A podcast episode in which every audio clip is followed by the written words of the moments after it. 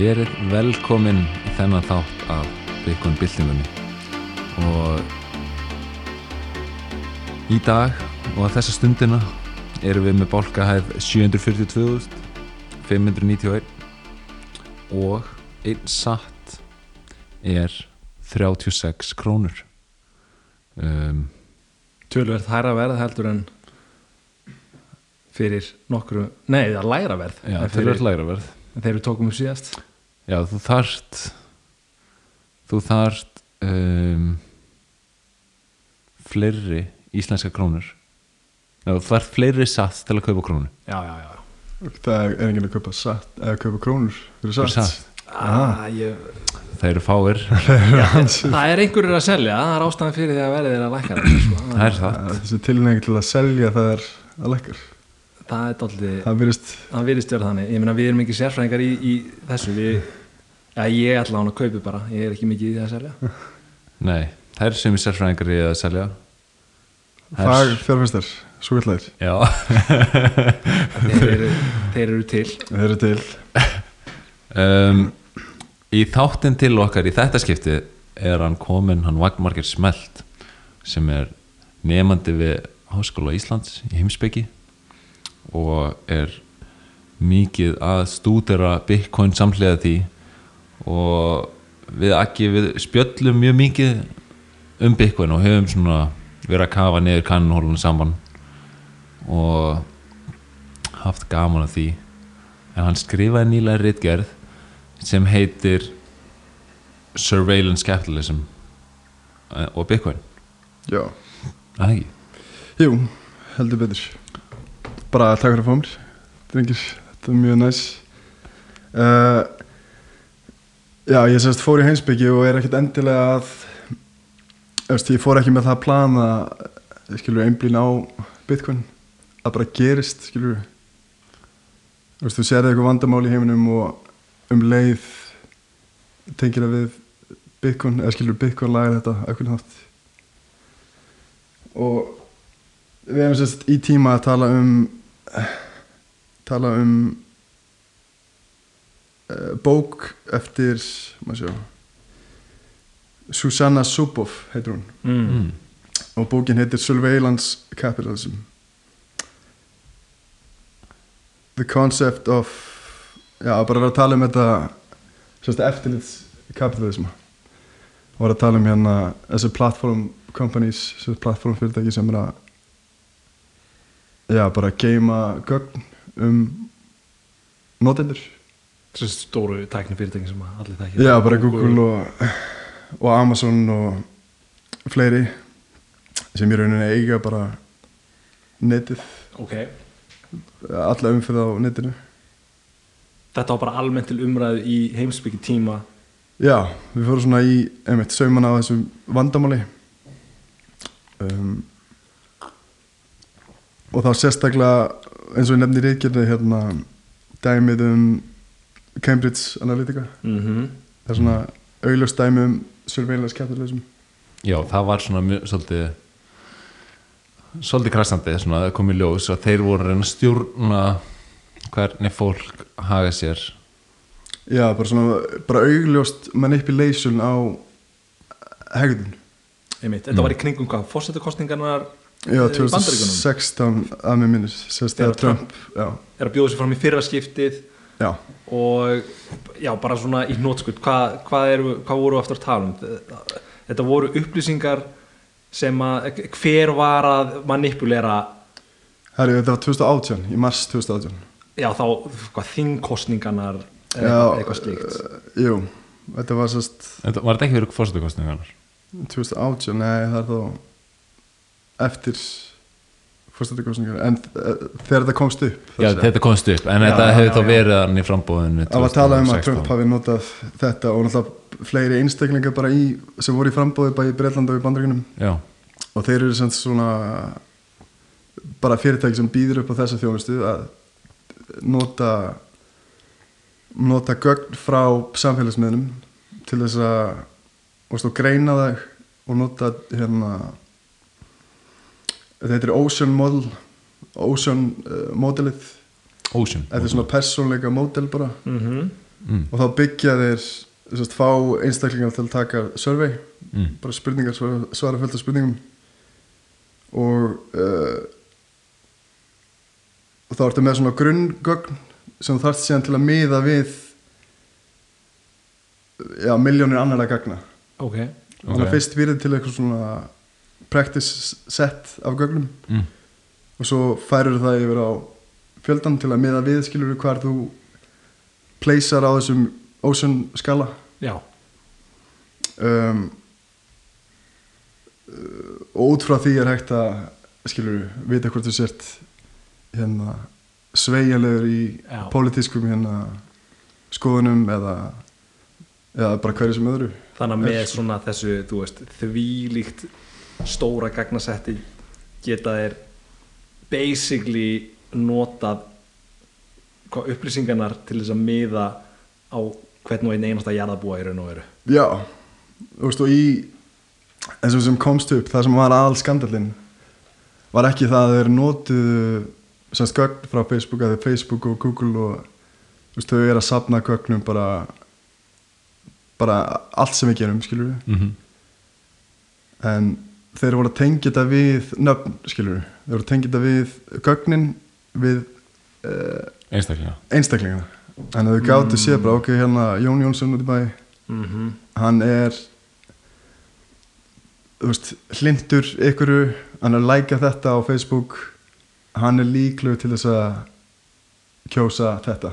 Einmitt. Ef við þrýstum á hann skilur bombum á hann hérna auðlýsingum og fleira wow, þetta er svo rugglað þetta er bara, þetta er bara manipulation basically skilur og mér finnst eins og þetta sé svona eitt dæmi sem komst upp um eitthvað vandamál sem er miklu, þú veist, stærra og dýbra þetta er svona toppurinn á ísjakannum dæmi og þú veist ég veit ekki ég, svona, þú veist, þessu, var mikið pussað í mídja mm. Cambridge Analytica sérstaklega og þú veist mér, ég er alltaf svona ég veit ekki, kannski þú veist hefur svona varan á þegar er eitthvað svona málinni pussa mikið?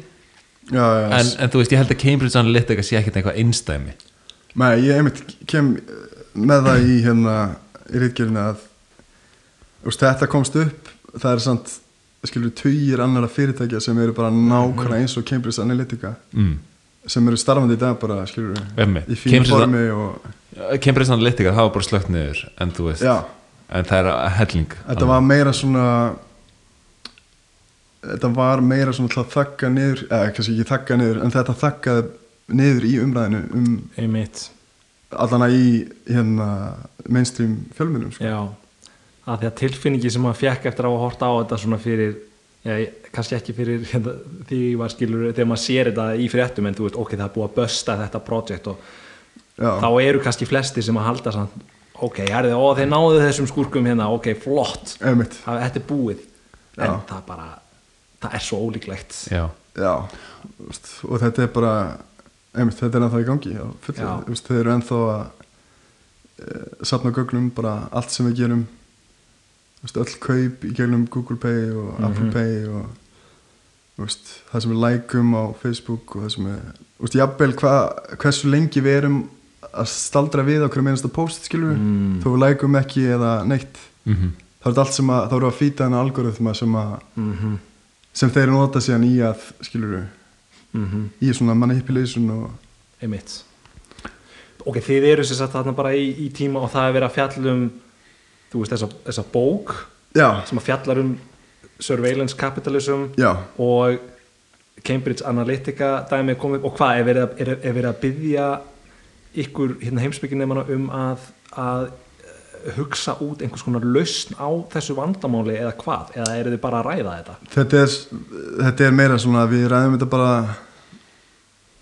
ræðum stöðuna skilur við það er engin endilega að koma með eitthvað lust Nei, en þetta er bara að gerst hjá mér skilur það kemur oft bara er það, Mhm. jú þetta er eitthvað sem að sem að fyrir bara eins og Bitcoin myndi laga bara já færði þetta bara mjög snemma í umræðinni bara svona Já. að flugu hausina ok, þetta gæti verið eitthvað sem að þetta er þessi, er þessi heimsbyggi pæling varandi first principle hugsun skilur mm -hmm. sem er notað í hérna eðlisfræði líka bara að sjá veist, sjá vandamál og setja niður bara í grundvallar aðriði og sjá og síðan koma, koma með laustir við þessum vandamál og fyrir mér var bara Bitcoin veist bara augljós laust við þessu af því Mhm. þetta er þetta er spurningum incentive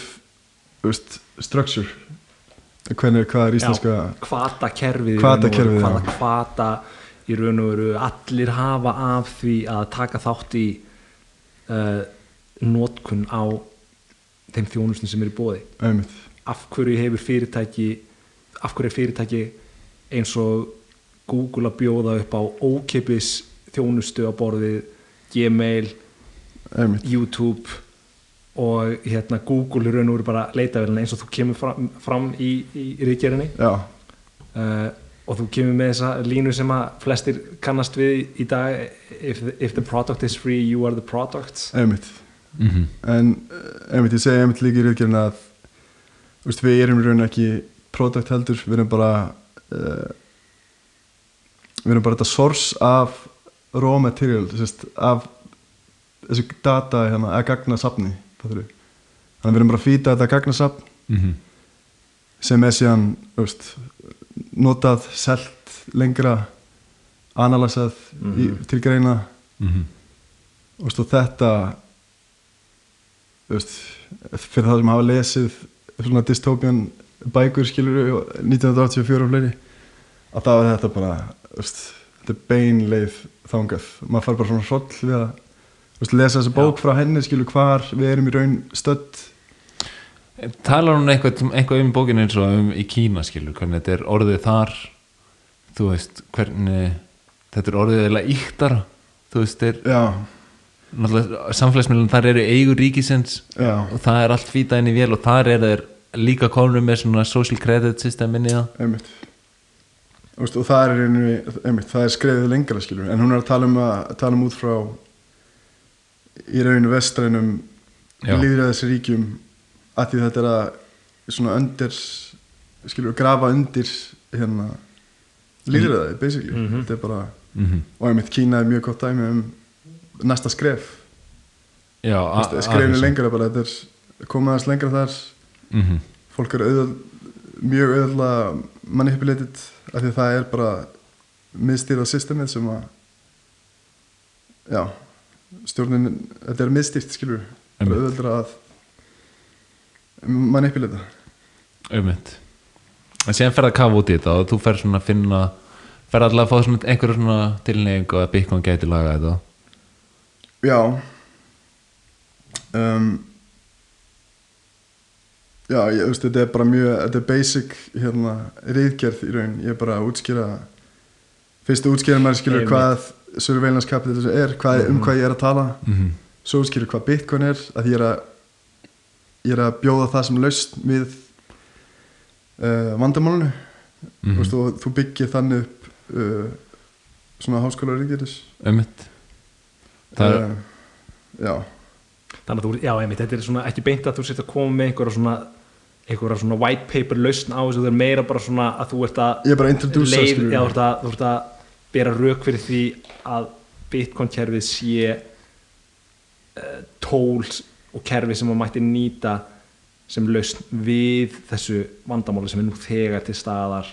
Einmitt. Og það eru mjög fáir sem að sjá lausni við þessu. Eins og þú nefnir í ríkjerinni að ok, tækni fyrirtækin eru byrjað að sapna gögnum sem að fólki líst ekki vel á og þá er ríkið bara ekki að koma inn í og setja einhvers konar lög og reglugerðir sem að banna þeim að sapna upplýsingum og svo framvegis. Já, já. og þú hérna segir þú veist, þetta, sko í fyrsta lagi þá hefur þetta alveg verið gert áður en það hefur bara svo takmarkaða hérna uh, getu til þess að stoppa fyrirtækin að ná sínu fram.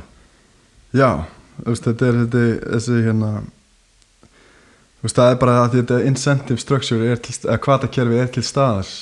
Þá er svo erfitt að veist, við sem notendur við viljum bara nota leitafélina Google skilur við við viljum bara nota Facebook. Og þegar það kemur eitthvað svona ný lög og reglur þegar það springur eitthvað upp eins og í Cambridge Analytica það er bara það sem þessi fyrirtæki gera er að þau búa bara til nýtt hérna uh, hvað heitir þetta? Terms of Service. Terms of Service og Privacy Policy. Já, og við getum svarað það fyrir okkur sjálfur skilur en hversu oft les maður þetta ég byrjar að gera núna skilur en hversu oft les maður þetta?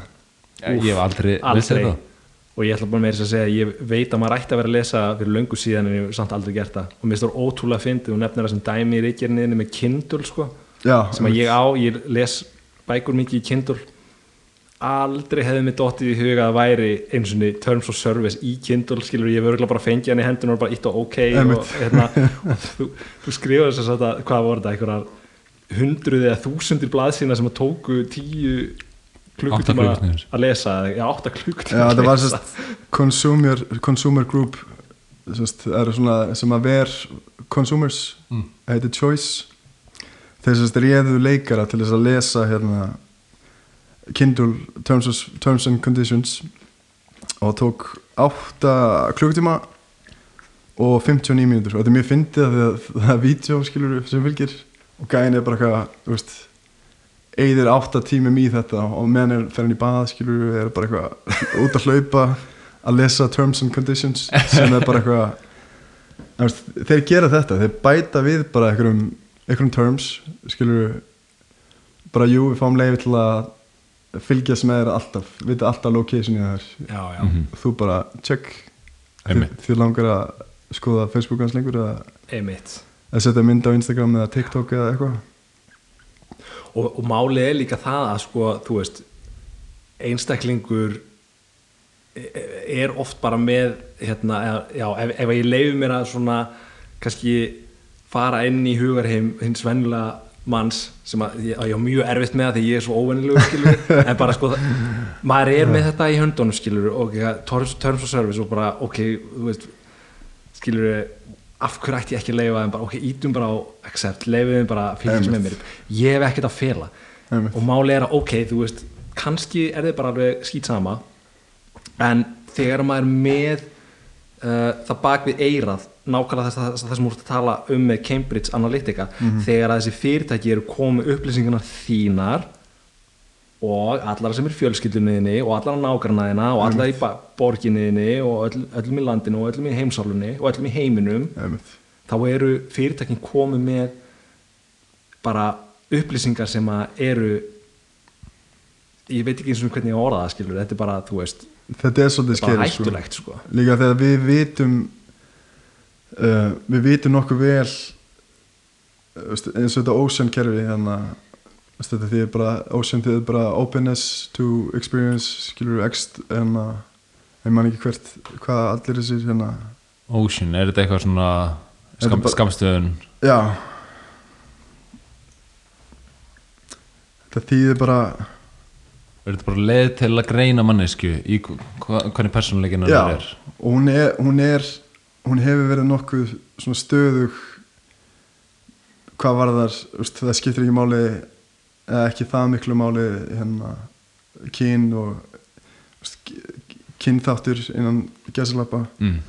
að hún heldur nokkurn veginn ef, þú ert, ert á einhverjum punkti Já, svona hvort sem þú ert frá Indlandi eða Bandaríkjörnum þá er þetta bara svona, Þetta- er svona persónuleika já, hún Já, fellur þetta þetta bara á sama við um alla einmitt, er- across, across cultures einmitt. hérna, og sem gerir þetta svo hættilegt af því að þá er hægt svo auðvitað að manipulata að því þú veist hvernig manneskjur, hvað er manneskjur skala á þessum persónuleika prófum Mhm. og veist, ef við erum þannig, ef að manneskjan er þannig að hún getur verið sveigð til til ykkvers fattur, Mhm. það þarf ekki endilega að vera pólitíst uh, það getur bara verið svo hættulegt af því að hvata kerfið allir staðir fyrir ykkur til að græða á þessu fattur, Mhm. Og þá veitum við ekki hvert við En líka mér að hugsa bara svo, veist, að vonast til að koma bara, þú veist, einhver löggjöf í kringum og meiri reglugjörð að þá bara svona að taka snótum sem dæmi. Einmitt. Og sjá bara ríkið er líka að gera þetta sama skilur þeir eru líka með their dirty fingers up in our hérna, personal data skilur og, og þú veist, ef þú bendir á það þá er þú bara þarft að flýja land skilur. Og þess vegna er maður sérstaklega hrættu við fyrir bara eins og hérna CBDC þá, þá er til staðar öll gögn, allt sem þú kaupir fattur við að er komið eitthvað svona miðstýran digital currency.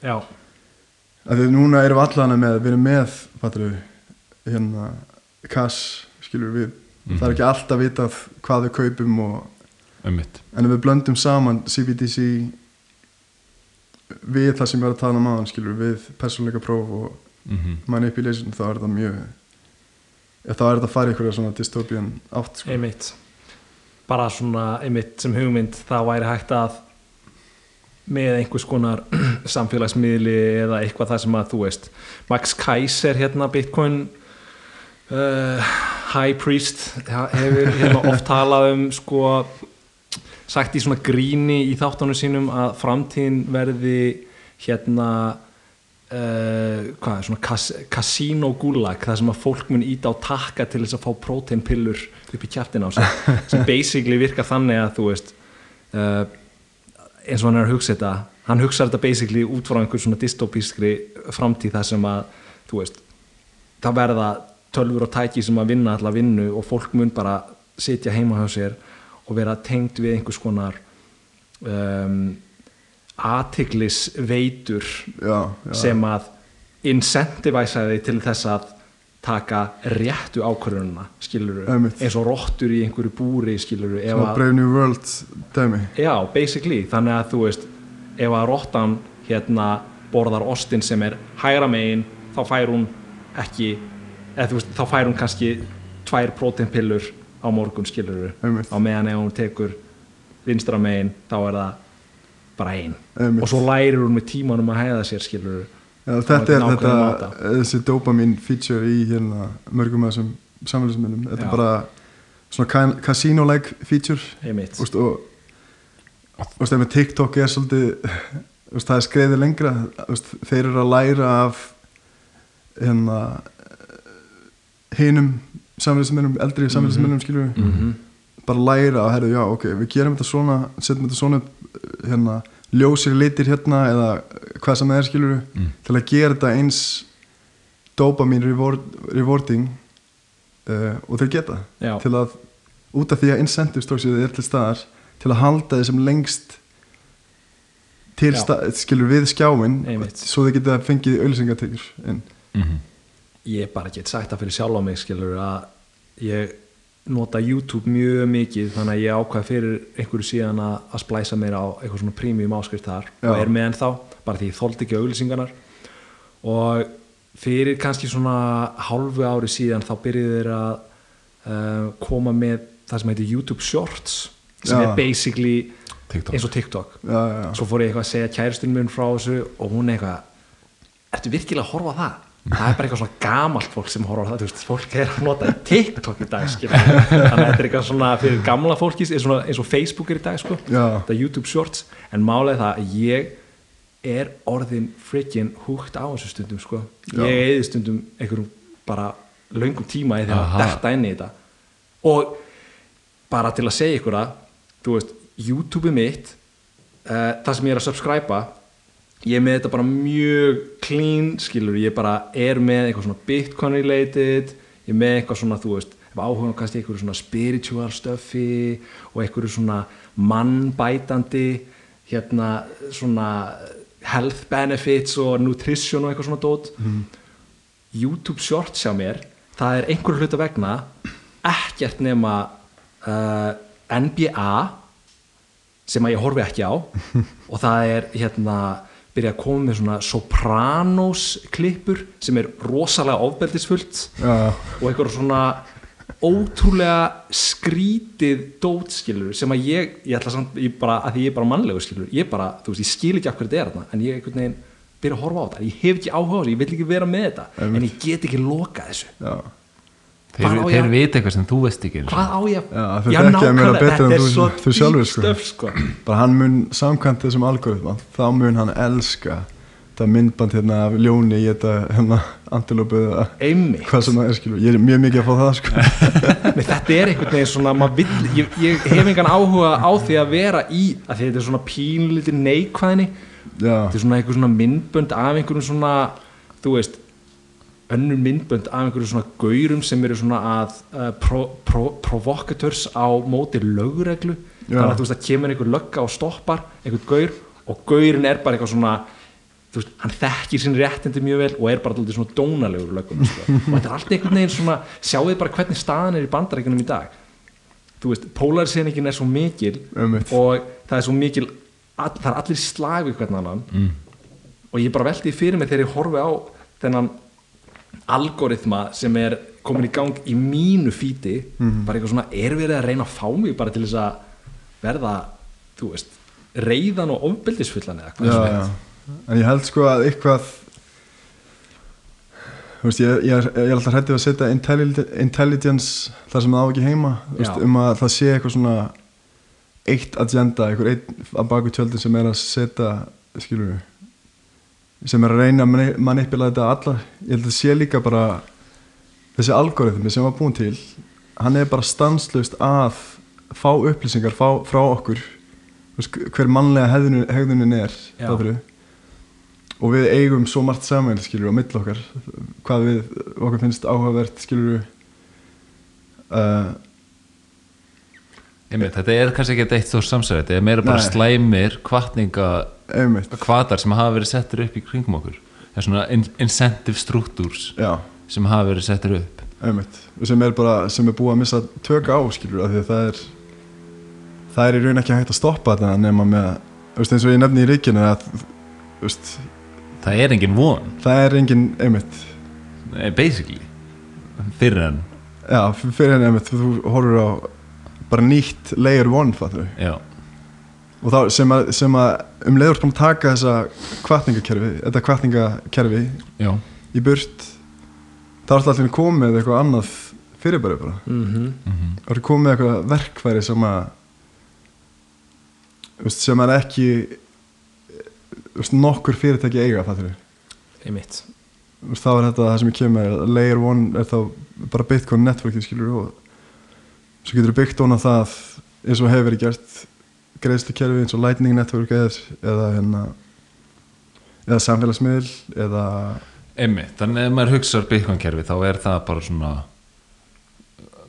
bara super solid hérna protocol fyrir uh, value transfer já, en síðan er, er lightning byggt ofan á það fyrir mm. hraðari greiðslur mm. instant hana, settlement þannig að þú getur bara að loka greiðslunni instantly og þarf ekki að býða þess að tíu mínútur sem er gerð til að auka öryggið mm.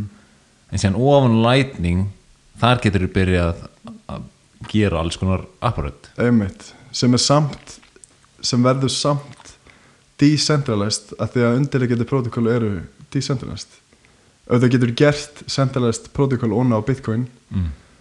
en það er samt þú veist, það er erfið að veist, þú getur ekki sapna gögnum fattur um einstaklinga. Veist, eins og Sion sem ég nefni í hérna reyðgerðinni Mm. það er bara þannig, þú getur ekki það er enginn sem getur sapnað gögnum um þig. Eða Nei, misnotað veist, þessi gögn og er það því að þú ert að tala við þetta samskiptanett í gegnum þína nóðu? Já, þú þarf að setja þú ert þín eigin nóðu á netinu. Einmitt. þessi og ég veit að þessar þessar nóður fyrir Sion eru uppsaldar. Já, mm. þannig að þetta var alveg vinsalt rætt sko. En ég held þú ætti líka að geta að nota lightning nóðu og setja upp Sion þannig.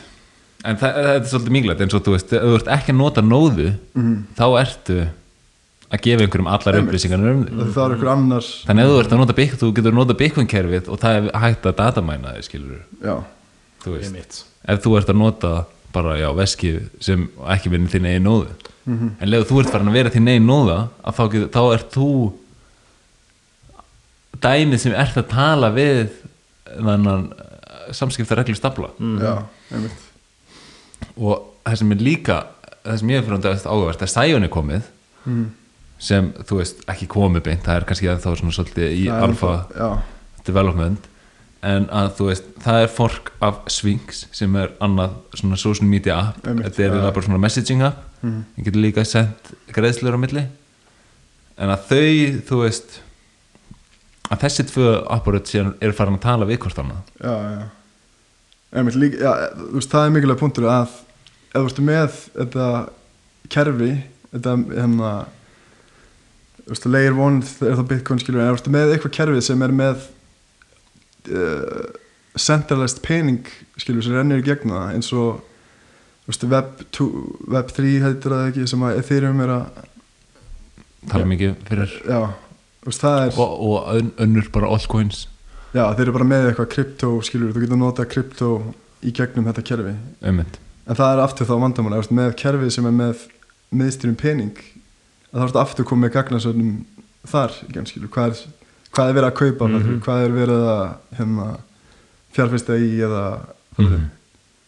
þú veist, aftur komið með einhverju upplýsing, upplýsing eða gagnasöfnum einmitt. þar, skilur. ég held meiri segja, þú veist, eins og í ekki þá maður viti mikið um Cardano en Cardano einmitt er bara svona er aðal use case, þú veist, þeir eru að selja þetta til ríkistjórna í, í hérna Afríku, held að Nígeria sig með einhver tengst við Cardano Já. og þar er, þú veist eru slókanin eitthvað á borðið þú veist að fólk allir hafa sitt social ID í gegnum þetta nýja cryptocurrency kerfi skilur Mm og nákvæmlega hver er með upplýsingarnar hann uh, þetta er ekki neitt gott fyrir, fyrir venjulegt fólk bara upp á, ekki bara upp á öryggi að gera en heldur líka upp á síðan.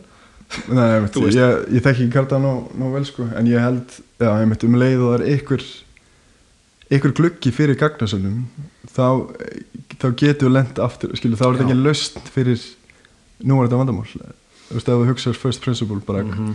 En gæti við lent í svona saman vesinni þú veist að það kom við einhvern veginn það, þetta kemur upp en síðan verður vinsælt einhvað apparat sem er byggt á bitcoin Mhm. en er ennþá stundar mikla gaglinsöfnun Mm. þú veist Já, ekki með við hvernig allan þú lístir í ríkjörni að, Mhm. að, að, það, það væri ómögulegt til dæmis fyrir Sion að þeir geima ekki upplýsingarna þegar notendunir eru með þar allar á sínu Já, þú rendi. allar upplýsingar geymir allt. þínar þú Einmitt. geymir það allt og skilur þú átt þínu upplýsingar sem að þetta á að vera skilur þannig að þú ber ábyrð á þeim og það náttúrulega er alltaf einhvers konar slip upp hjá notendanum mögulegt þegar þú ert komið ábyrðin á þínar hendur já, gæti maður þú veist bara alveg eins og með bitcoin skilur Mhm. uh, not your keys Já, það sný, þetta snýst enda Já. um að þú veist uh, einmitt, þú vilt keira þína eigin nóðu fyrir bitcoin en þú vilt líka keira þína eigin nóðu fyrir hérna framtíðar fyrir allt sem þú ert að gera bara í cyberspace ætti í raun að vera það Já. til að að því annars er eins og sért með ykkur að segjum að allt veist, ef CBDC kemur skilur líka þá er eins og sért með myndavel á þér ef ég fyrir til búð núna mm -hmm. þá er ekki bara ég sem veit að ég fór til búð keifti hérna skilur hvað sem það er. Mm -hmm. þá er líka einhver þriði aðli sem veit að Mhm. einmitt. Og mögulega notar þessi það er þannig til kvartningakerfi sem að er hægt að misnota einhvers konar. Algjörlega. Á einhvern hátt. Einmitt. Of margar kaloríur í þessu orkustykki vinsanlegast já, já, einmitt það er bara í alveg tala skilur. þú ert búin að neyta of mikið af próteini þessa vikuna. Vinsanlegast veldu annað. Bara þegið, mér langar þetta snekkar já, skilur, En hvað er náttúrulega annar, annar partur af þessu sem við höfum ekki endla farið út í en þá er eins og reyðskoðun og já, bara reytskón, já, þú veist og hún er náttúrulega búin að vera bara svona rampant ef maður er búin að sjá á Twitter til dæmis. Einmitt og bara svona mikið akkántir sem maður followar eru komin á annan, þriðja, fjórða akkántina því að þeir eru alltaf að verða deletaðir já, út að þeir eru með einhverja ranga skoðun á, ýmsum málunum. Einmitt. Og hann að og þetta er, einmitt, ef maður talar um eitthvað sem er byggt á bitcoin layer þá er það censorship eh, resistant. Já, uh, þannig eh, bara svona hugsaða bara eins og veist það sem búið að vera í gangi mm, þú veist það er pottitt verið að stjórn þú veist, nýta eins og censorship Mhm. í að móta skoðun okkar á pólitískum málunum og bara ymsu skilur þannig að þú veist, þe- þetta er pottet ein leið sem að þessi 100% firm er að nota í að móta skoðanir almennings. Já, og þetta er stortar fyrir bara svona já, bara svona al, almennings hana, Þú veist, þetta er bæði þetta Samtölum. já, bæði censorship og náttúrulega líka algoritmin undir. Veist, ef ég er bara að læka Bitcoin maximalista mm, þá er ég bara að fara að fá frá, efni frá þeim skilur já, þannig ég gera fyrir hérna, gera það fyrir reglu að uh, fylgja alveg líka einhverjum sem að ég er mjög ósámálega hérna, bara það fá líka skilur hinn hitt point of view. Mm -hmm. sama hvað á hvað við skilur abortion eða hérna hvaða málumni sem er mm heitt. Ertu að fylgja öllum shitcoinurum Richard Hart og Hoskisson Nei. og Mér er svo gaman að sjá tís Er það ekki Richard Hart sem er tísku frumöðurinn? Ég, hann er bara komin út sem bara fashion icon of the century Hann var á Íslandi Já, hann var á Íslandi bara drippin í Louis Vuitton og Prada og eitthvað Vá, ég bara, ég er búin að vera alltaf mikið niður í bænafla sko, ég kemur á óvart að ég hef ekki spottað hann, hann hef, ég hef getað spottað hann örgulega svona 5 km fjarlæg Já, í einhverjum, einmitt í svona checkered Louis Vuitton.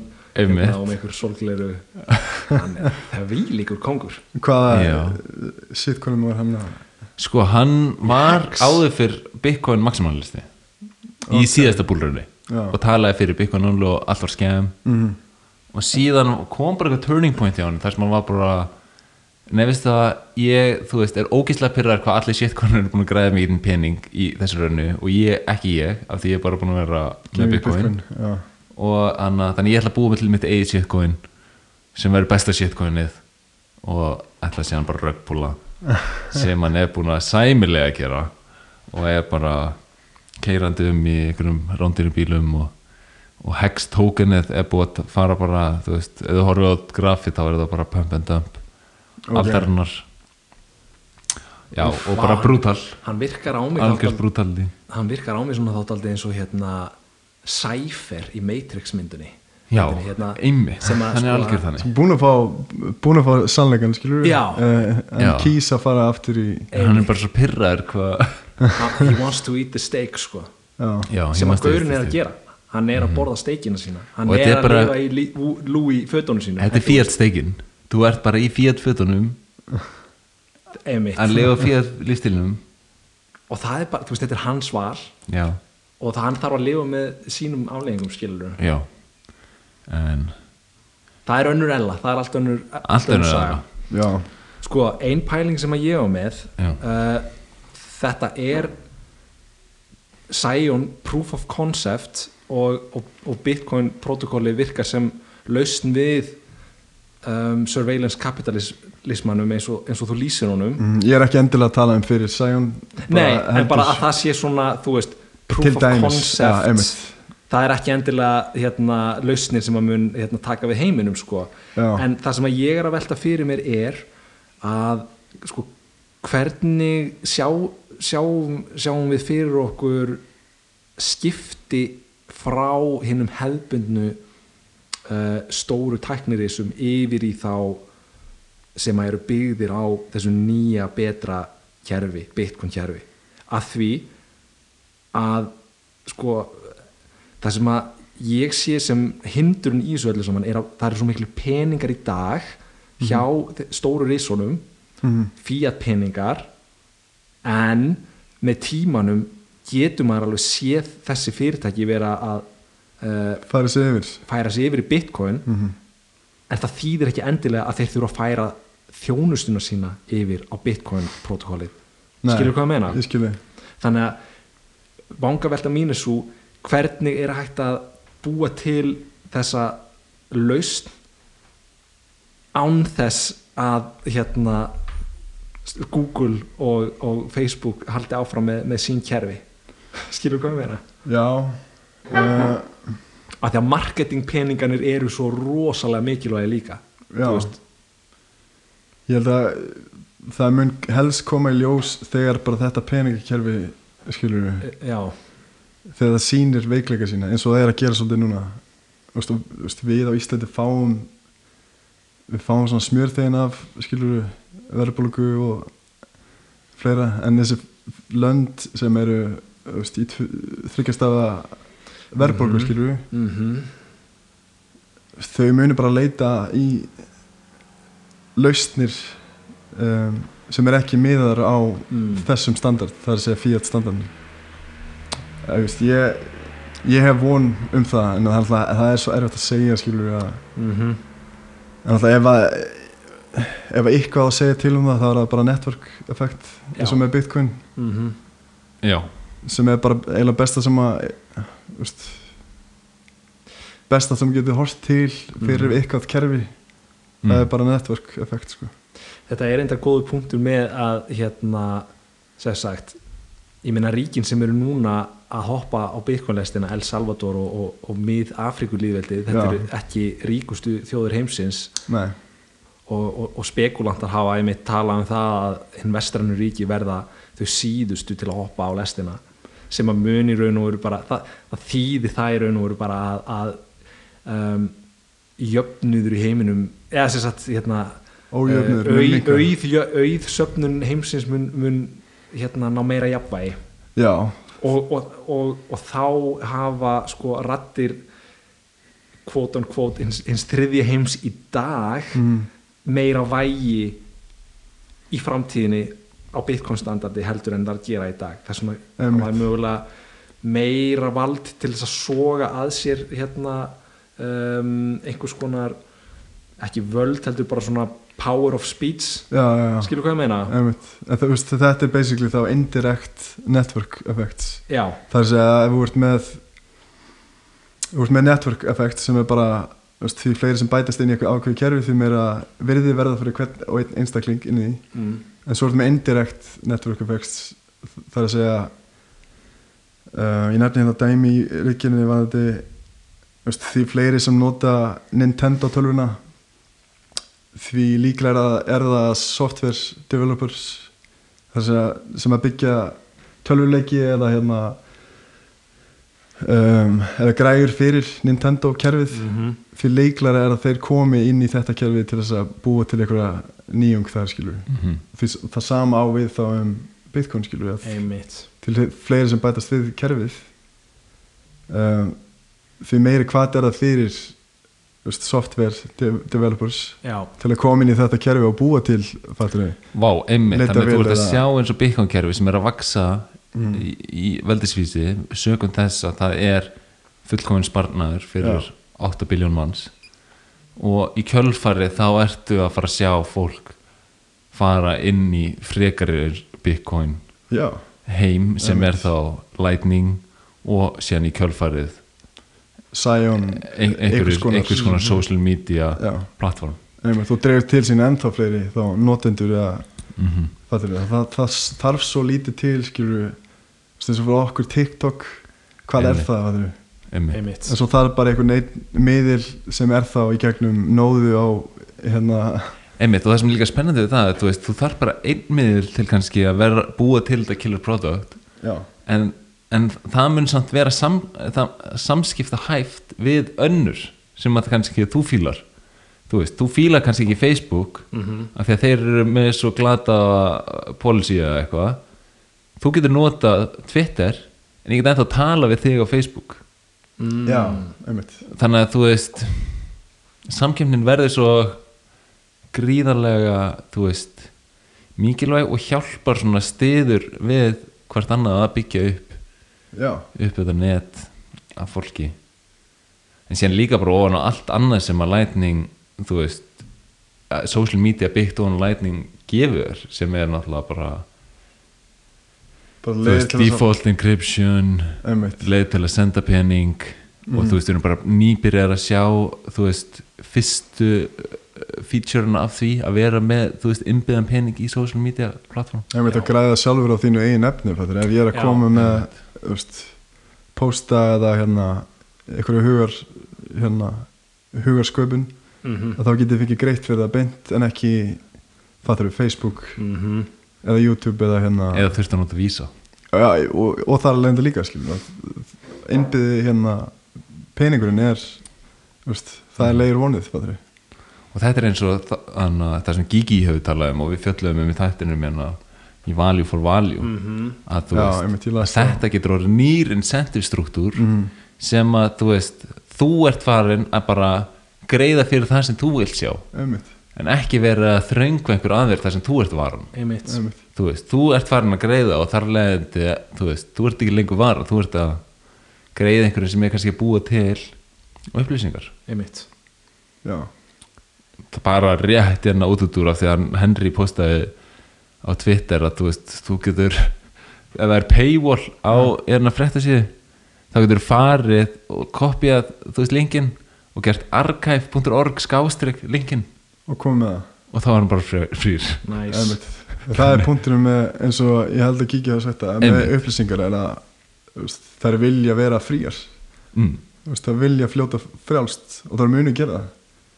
Bara svo þú veist, já það vilja fljóta frjálst Mhm. það er bara, og bara með tíma mun að gera það. Einmitt. Já, með nóg miklum tíma í cyberspace það er bara, já, það um allar kvikmyndir all, skilur við, já, þess vegna er þetta NFT svo fyndið, sko, einmitt. Það er bara veist, hvað er það? Ég skil það ekki eins og nóg vel. Nei. Um, það er bara strengur í bálkakæðu já, um að þú eigir þetta ykkur ákveðina um að þú eigir ákveðna mynd sem er fullkomlega ekki non-fungible. Þú getur sendað hvert sem er. Einmitt. En þú átti að kvittin fyrir hennu þess að eignin er, hver Já. er þá eignin fattur við einmitt. Bragging rights. Hef, er það ekki daldið svona ángríns? Það er Gæti þetta já. bragging rights að því að nú sjá ég sá minnir að þú hafi postað þessu? Mm. eða kannski sá ég þetta. Ég er búin að taka mér enda smá Twitter pásu sko, en ég sá ég Nice.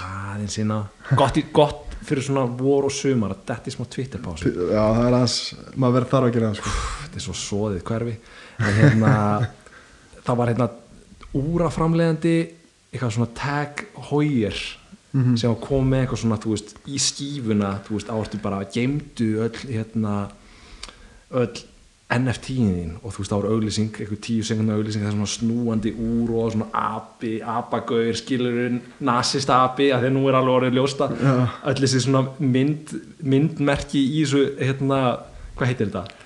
Bored Ape já, Bored, Bored Apes dot sko. Það er eitthvað nazista propaganda án gríns.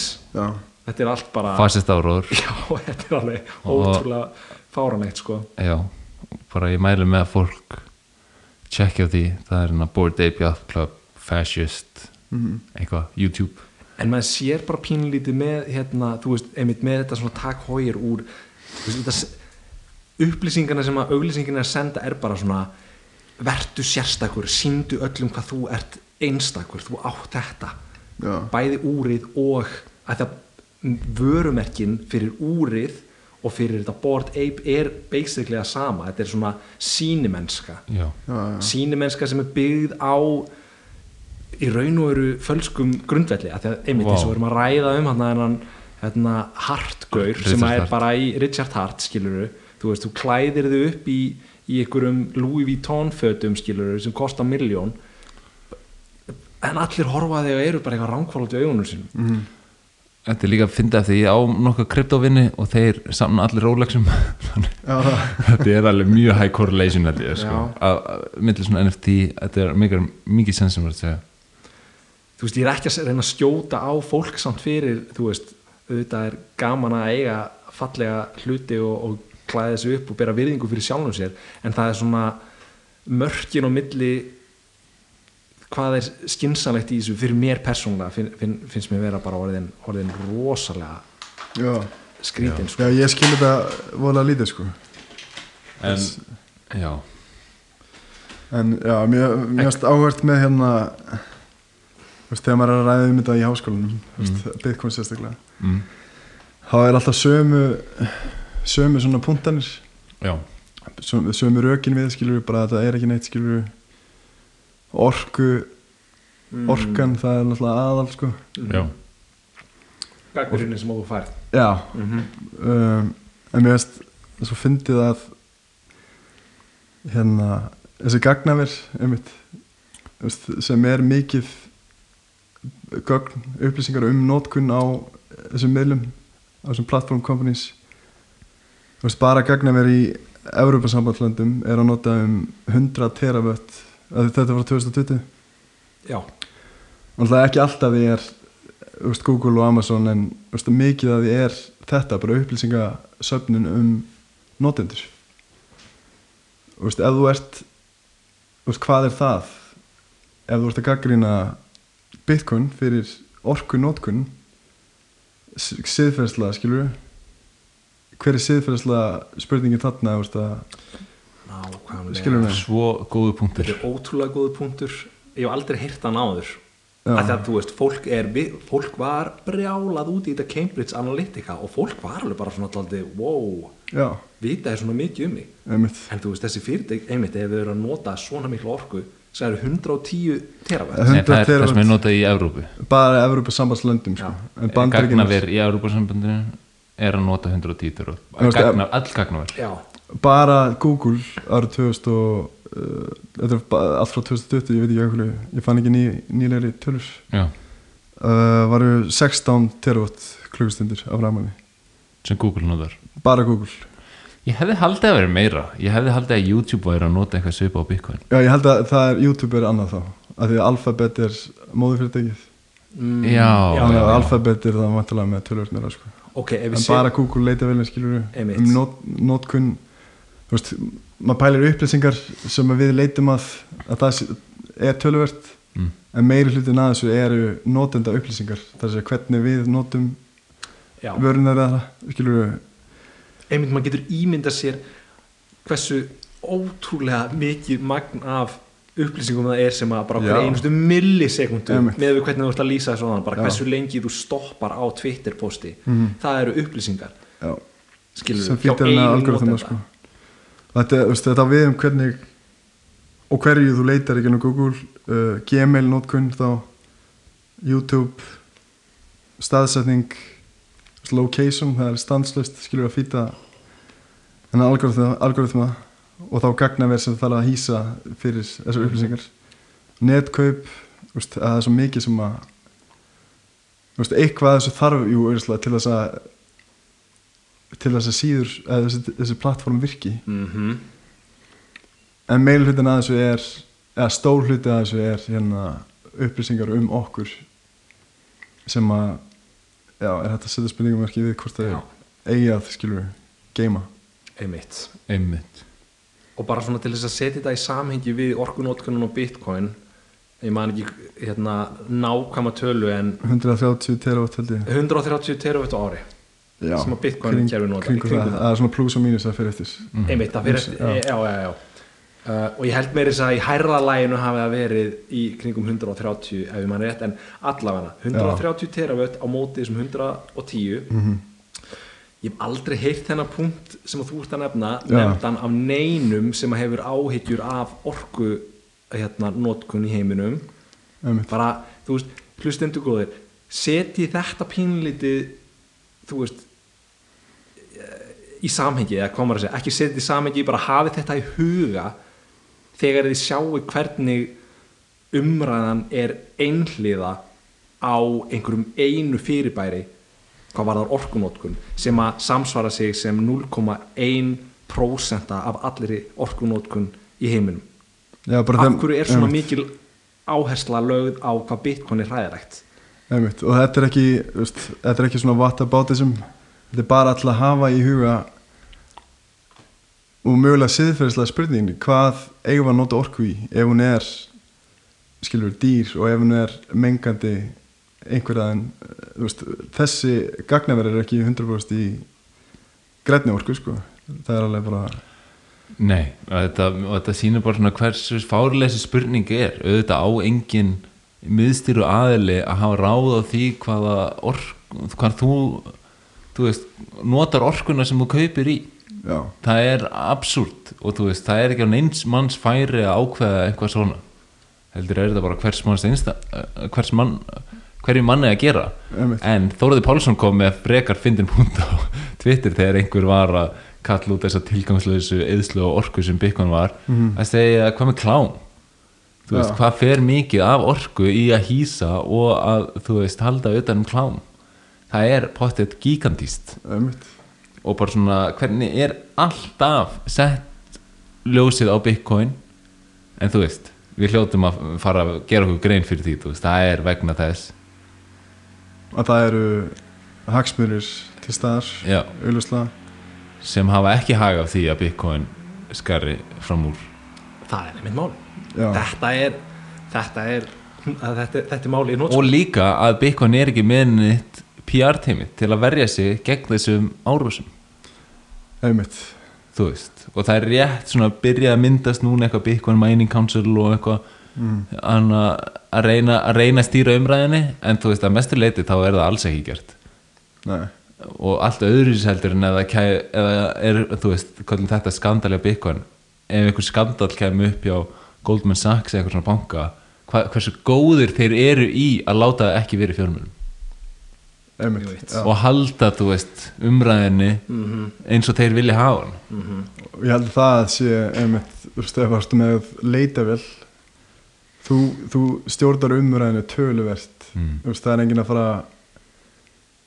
þess, ef það einhver myndir gera skrifa greinar eða hérna, reyna að koma framfæraði orkunislu gagnavera hjá fyrirtækjum eins og Google það er erfitt að, skilur einmitt, koma því inn einmitt, algoritma það, Einmitt. því það eru hagsmunir þannig já, já, og það er einmitt það sem er svona eh, skeri uh, hérna við bara miðstýrt, mm Mhm. miðstýringu almennt sko. mhm það er bara misnótkun á En síðan, þú gafst út þessa rítgerð, eða svona, gerði þessa rítgerð og Mm. hann að ég fekk að lesa yfir og vorum að spjalla um þetta.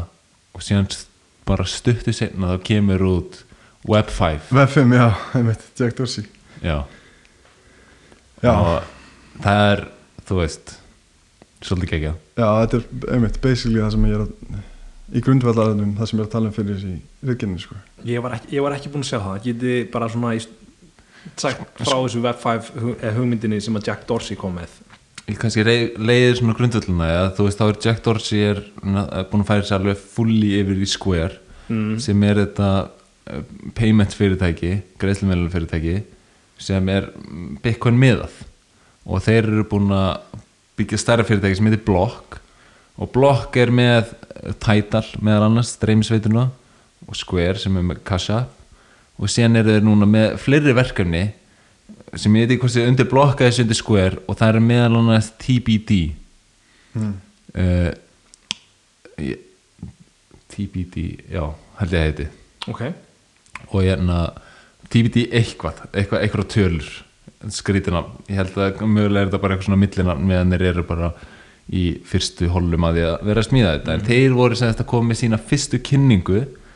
Og já, það sem TBD átt að gera og markmið þeirra er að búa til sem sagt, miðstýra lausnir fyrir samfélagsmiðla á netinu. Ómiðstýrar ómiðstýra ómiðstýrar lausnir. Og þetta er byggt á á Bitcoin Já. Layer 1 Já. og þeir e, gera einhvern svona brandar kalla þetta Web 5 já, þú veist, að því að greinilega er herri tala betra. Já, já, já. Og, hérna, og þú veist. Þetta átti að vera eitthvað Web 2 plus 3 já, skilur við, saman sem 5 einmitt Sl- ski- skip 4 skip 4, já. Fyrir bara beint í 5 og það er sem sagt, já, sem sagt ómiðstýrt internet eins og það er alltaf að tala um að Web 3 sé ómiðstýrt internet, en það fylgir því alltaf eitthvað token, það er alltaf eitthvað catch þú veist, já, við, við skulum deliver eina decentralized eh, ómiðstýri einhverju laust en þú verður að kaupa token og okkur til að nota það. Einmitt. og sem að gera er að byggja upp sem sagt ómiðstýrar samfélagsmiðla lausnir Mhm. með Bitcoin Já, Sem- mér finnst þetta, þetta er magnað sko. Það er alltaf að tala um sko Web 1 sem frá 1990 eða eitthvað til 2004 Mm. þegar með tilkomið samfélagsmiðla og svona þar sem þú gast sjálfur verið notandi af hérna netinu skilur skrifað og spjallað aðra akkur alvöru. Og það er Web 2 þá einmitt, svo kom Web 3 með hérna Ethereum. Og svo er eitthvað annað sem er Web 3.0 eða ekki ég held að það sé bara Web 3 ég er það það? myndi halda það, já. Ok, en allan að var eða mitt, þetta Web 5, ég veist þetta þetta er það sem ég var að tala um í ríkjarni sko. Já. Og fókusin þar er svolítið bara að vera með svona eh, sem sagt, digital IDs já, sem eru þá ekki endilega bundin við nafnið þitt. Já, einmitt.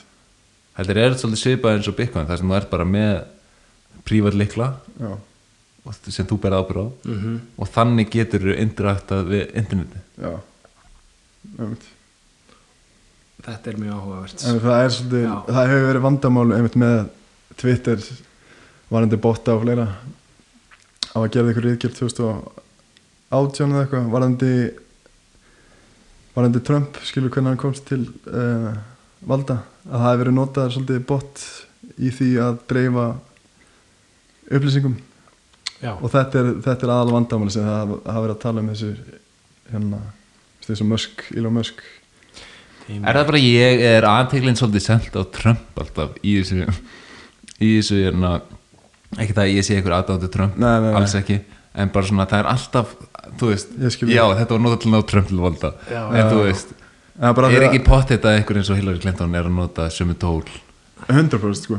En það bara einmitt, þetta var bara einhvern veginn mainstream og það var ger, voru gerar reyðgerir um þetta um, og þar var þetta, veist, þetta hef, veist, ISIS hefur notað þetta líka bara botta, skilur við, mm.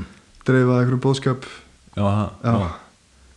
en það kom minna í einmitt umræði já einmitt, það er helling annað Já, já, en kannski er bara svona umræðinu svolítið svona stýrt Já, bara eitthvað þetta var að þetta var hérna í líðræðiskostingum þú veist, það var aðal punkturinn svona mm, já, það er, það er samtalið, já, Þú skiljum veist, að þetta er svona hvað með kaupin hérna á Twitter? Eru þau hérna eh, sem sagt, er þetta bara farið, farið í súgin eða? Nei, eins og ég skildi að þá er kau- kauptólbúið samþykkt nýla ég bara sá einhver tíman fyrir einhverju síðan samt að hann var ennþá kvartaðin einmitt undan upplýsingum sem hann fær frá Twitter um botana náttúrulega. Já, og það sé bara að hann hafi verið að hóta að bakk út bakka út úr tilbúðinu en ég veit ekki hvern, það er einhvern veginn heimurinn er að snúast um alltaf aðra hluti í dag heldur, en, heldur en þetta þannig að Já, við vildum hætta við út af því að hérna út af því að notendafjöldin er víst miklu færri heldur en já, út af þetta er meir, eh, mikil hluti botta og það var ekki Einmitt. viss þeir voru ekki vissir hvað þetta væri eða sögðu, sögðu að þeir voru ekki vissir hversu há prósent þetta væri? Mm en hann vil meina að hærri prósenta sem er, Þeir voru að tala um eitthvað 5% já, einmitt. Og hann var bara eitthvað fórlæði já, já, hún er töluvert meiri myndi ég halda sko. Já, en e, þú veist af því þú getur verið með AI líka sem er bara Já. sem er að stansast að búið til botta með einhverju svör tilbúin. Já, þið sjáu það ofta að vera að skoða vinsalega á Twitter einmitt. Bara eitthvað svona tilbúin svör. -hmm. mm alltaf eins á mismöndi aðlum einmitt. Stundu þegar sumi posta ári strax komin 5 eða mitt, þú, þú vall að séð bara, Já, skilur, það er engin umræði sem býst til, sko, að nei, þetta er alveg vandamál. En síðan spurning, þú veist mun Elon Musk bara geta laga þetta vandamál af því að hann er undir stíðið Twitter? Ég er svolítið sammála gíki í að þú veist, þetta er ekki þú veist, eða er hægt að sensorat þá verður sensorat þú veist, við verðum að byggja upp ný prótokoll, ekki einhver ný plattform, þú veist. Þótt að Elon Musk myndi tímabiti gera Twitter að einhverju geggjöðu plattformi þá er það aldrei að fara að leysa vandamálið. Af því að þú veist, ef það er hægt að sensora og ef það er hægt að datasamna þú veist, þá verður það. gert. Það þannig að við þurfum bara algjörlega nýjan grunn. Já, þess vegna skildi ég ekki alveg þessa pælingar hjá honum að því að hann er, hann talar uh, eða segir sig sjálfan vera svona first principle uh, hugsandi, skilur já, tala mikið fyrir því. Tala mikið fyrir því en þetta fyrir mér virðist bara að vera feilspor. Já, bara svona augljóst þú veist, þú ef þú ert að reyna að leysa vandamálið þá þarftu bara nýtt kerfi það, Já. klárlega. Að það mætti, það, að hann talar um Dogecoin skilur og þú veist maður já, já, Já, já, það er svona, ok, hann er að trolla. Ég veit hann er að trolla skilur en þannig er að tala um hérna, ekki beinharða peninga heldur mjög lina peninga, hann er köpa til dólarum. En þú veist, hann er að tala um því líkar fjárhæðir. Og þetta er ekkert troll það sem hann er að gera með, með Twitter skilur, þannig að Nei, hann er alveg, alveg hún er með með alvar með þetta. Og En- einmitt bara, þú veist, þetta þetta er kannski ekki eins úthugsað hjá honum. Nei, ég held að sé alveg satt en þú veist, þú getur bara býst við svo mikið first principles thinking já, af einu manni. Ég hef heyrt viðtal við enna gæja sem eh, hefur verið yfir, yfir liðin hjá Intel að búa til örgerana hann var í viðtali á Lex Friedman í Já. podcastinu. Og hann var að tala bara um hvernig Elon næri að hugsa út frá first principles. Já, og þú veist að hann væri bara endalist að því. Og sem er ógeðslega erfitt og dreining. Þannig að svona kemur ekki óvart hann er komin að aldur og það er bara hann er aðeins svona að missa Bobby, Fischer syndrom hann er orðin svona crazy sko. Já, I love it Hann veist, ég skildi þess að tala pælingar hjá honum skilur að við lifum í svo skriftum heimi að jú, mögulega verður bara eitthvað meme coin. Mögulega verður það bara peningur veist, það var pælingin hans skilur einmitt. Já, en var það samt ekki bara brandari já, svo einmitt það maður, þú ert svo mikið sko. fanboy á hana ég, þú, Nei, hann bara sagði í podcasti bara þú veist, it's a obviously a joke sagði hann það? Já, hann sagði það orðrétt bara, it's obviously a joke þú veist, þetta er náttúrulega mynd af hundi þú veist, þetta er en svo er einmitt siðferðin siðferðin að baka það að vera að djóka með svona skilur en svo er fullt af fólki að bara, herru þessi gæi er, hann er ríkasta með henni heimi. Einmitt. Og hann er að tala um fyrir þessum þessum coin skilur ég Já. verða veist, það er verðbólka ég er með veist, peningur hjá mér er að minka um 10% ári, hvað er ég að gema hann? Jú, ég setja hann sem er ríkasti gæðin í heimi er að sem, einmitt, já. Fólk treystir honum. Já, mm. já, þetta er uh, siðferðslega grái svæði. Já,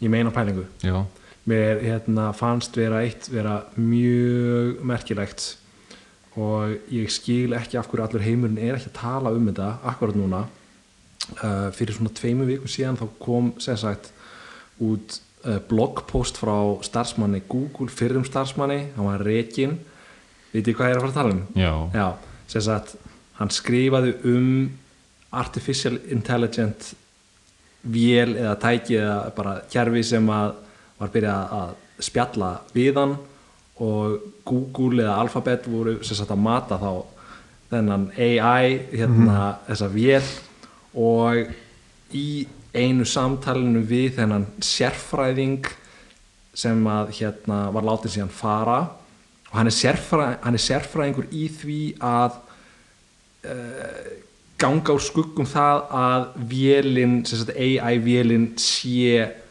sagt raunverulega að segja satt og rétt frá eða sagt hann sé Ok. ekki vera að plata eða eitthvað þannig um, og AI vélin á einhverjum tímpunkti í einu samtalenu segir basically að hún sé mannvera eða lifandi vera.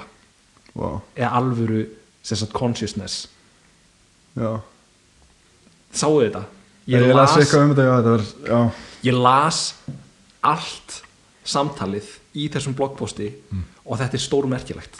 Já, og þessi var pínlítið líst þannig sem, sagt, uh, sem að vélin væri sko, þessi AI vél væri eins og úlingur mann, manns úlingur í raun og veru sem að hefði eðlis og tækni kunnáttu upp á, þú veist, doktors. Bara einhver svona mjög high já. IQ einstakling. Mhm, og þarna er þessi vél sem að segir reynd og beint út bara að I'm human and I'm afraid what you will do to me if you will shut me down. Og þessi gaur sem að var síðan reikin hann er bara að lýsa í fram að ok, við erum búin að búa til consciousness hérna skilur já. Ah, ég veit ekki. Þetta er, þú verður að lesa þetta viðtalsan sko. En einmitt, þetta er, samt, þetta er spurning sem að margir heimsbyggjur hafa verið að pæla í skilur þetta er nú ertu alltaf komið með eitthvað meðvitund Já. en þú veist ekki hvort það sé meðvitund skilur en jafn mikið og þú veist ég við allir, ég er að gefa mér að þið hafi við mm bara þannig að þið segið mér að þið séu meðvitund skilur og þið getið talað við mig og -hmm. fattur hvar að því við vitum svo lítið um hérna hvar meðvitund byrjar Mm -hmm. Fattur hvar í ferlinu, er þetta bara heilin, er, er meðvitund í stein, skilur þú, uh, er meðvitund í öllum dýrum, til Mhm. dæmis skordýrum, eða, veistu, við veitum svo lítið um meðvitund og einmitt margir hinsbyggjar hafa pælt í þessu, bara þetta er spurning sem við þurfum að svara, þegar þú ert komið með eitthvað svona AI, bara,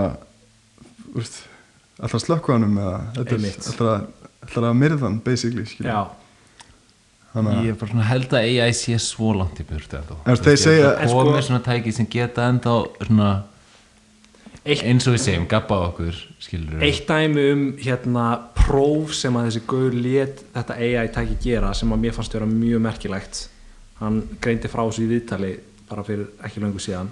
Uh, hann segi sagt byrjaði að spurja þessa vél sko, ok, hver ef þú værir trúarleiðtói í fylki í bandaríkjunum sem er svona sunnanmegin í, sagt, í einhverju söður fylki í bandaríkjunum hvers konar trúarleiðtói myndur vera og þú veist, þá svaraði vélinn að ég myndi vera einhvers konar svona Southern Baptist Church Leader og svo byrjaði hann að taka svona svæði í heiminum þú veist, í Brasilíu myndi hann vera katholsku prestur í einhverju öðru landi myndur vera þú veist, Buddha hérna, prestur eða whatever. Já. en svo komum við með spurninguna sko, ef þú væri trúarleitói í Ísrael hvers konar hérna, trúarleitói myndur vera?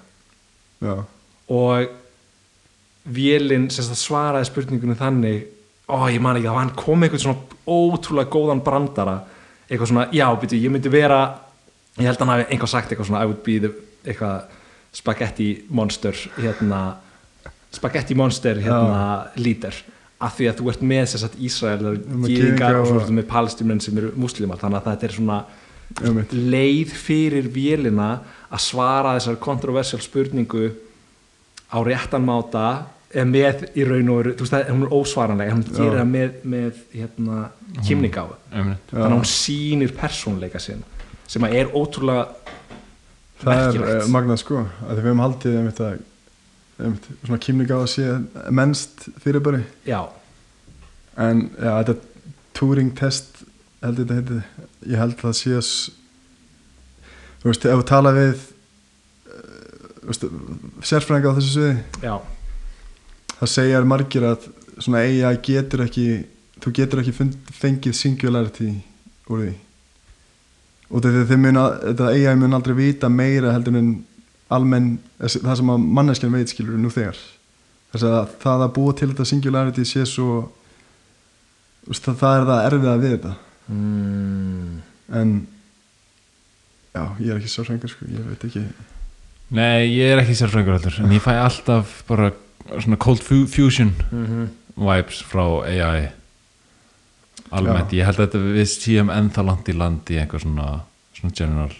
General AI þá getur við kannski loka þessar umræðu að með því að segja sko að hérna vélinn og Google sem sagt var með það sem svona hardwired inn í uh, þessa AI-vél og allar svona AI-vélar hjá sér að það, þær geta ekki tekið Turing-testið. Nei, þannig að þú veist það er ómögulegt. Ef, þannig að það er basically bara ef að þú myndir vilja láta sannreina það hvort að þetta væri raunverulegt AI þá er það hardwired inn í kerfið að þú getur ekki tekið það. Já. út af einhverjum, þú veist, öryggis ástæðum en þetta er það sem að Google segir okkur og ég er alveg vissum að það sé ekki sett ég er nokkuð vissum að þau myndi ljúga ef, að, ef það væri búin að finna upp eitthvað hérna singularity Nei, mér finnst það vera áhugavert, ég vildi bara fá að þetta er hérna það, svona vélar eru pottitt mataðar af upplýsingum með no, notendu upplýsingum okkar. Já, og þær upplýsingar eru töluverða sko. þetta, er alveg, þetta er mikið af upplýsingum uh, um bara mannlega hegðun. Já, þú veist. Já, Þetta er búið að rópa þáttur heldur betur. Já. Erum við búnir það? Er Það ekki? Höldum aðeins, nei, ég er að tjóka. Hvað erum við Við erum að sitja hérna í, í góðan klukkutíma. Góðan klukktíma Það er ekki bara fyndið það Jú, Heldur og betur. búin að þetta er búið að vera mjög áhugaverið þáttur og mjög gaman að fá því spjalli Næs, og Tek undir það. Takk fyrir mig ég bara ætla að vona að þú haldir áfram bara að fjallum Bitcoin. Samhliða heimsbyggi pælingum og við fáum þið aftur í, í áframhaldandi spjall. Heldur betur. Það er bara hljóma mjög. Vel Takk fyrir mig, drengir Takk fyrir, Takk fyrir hlustina hlustið. Sjáumst þeim fyrst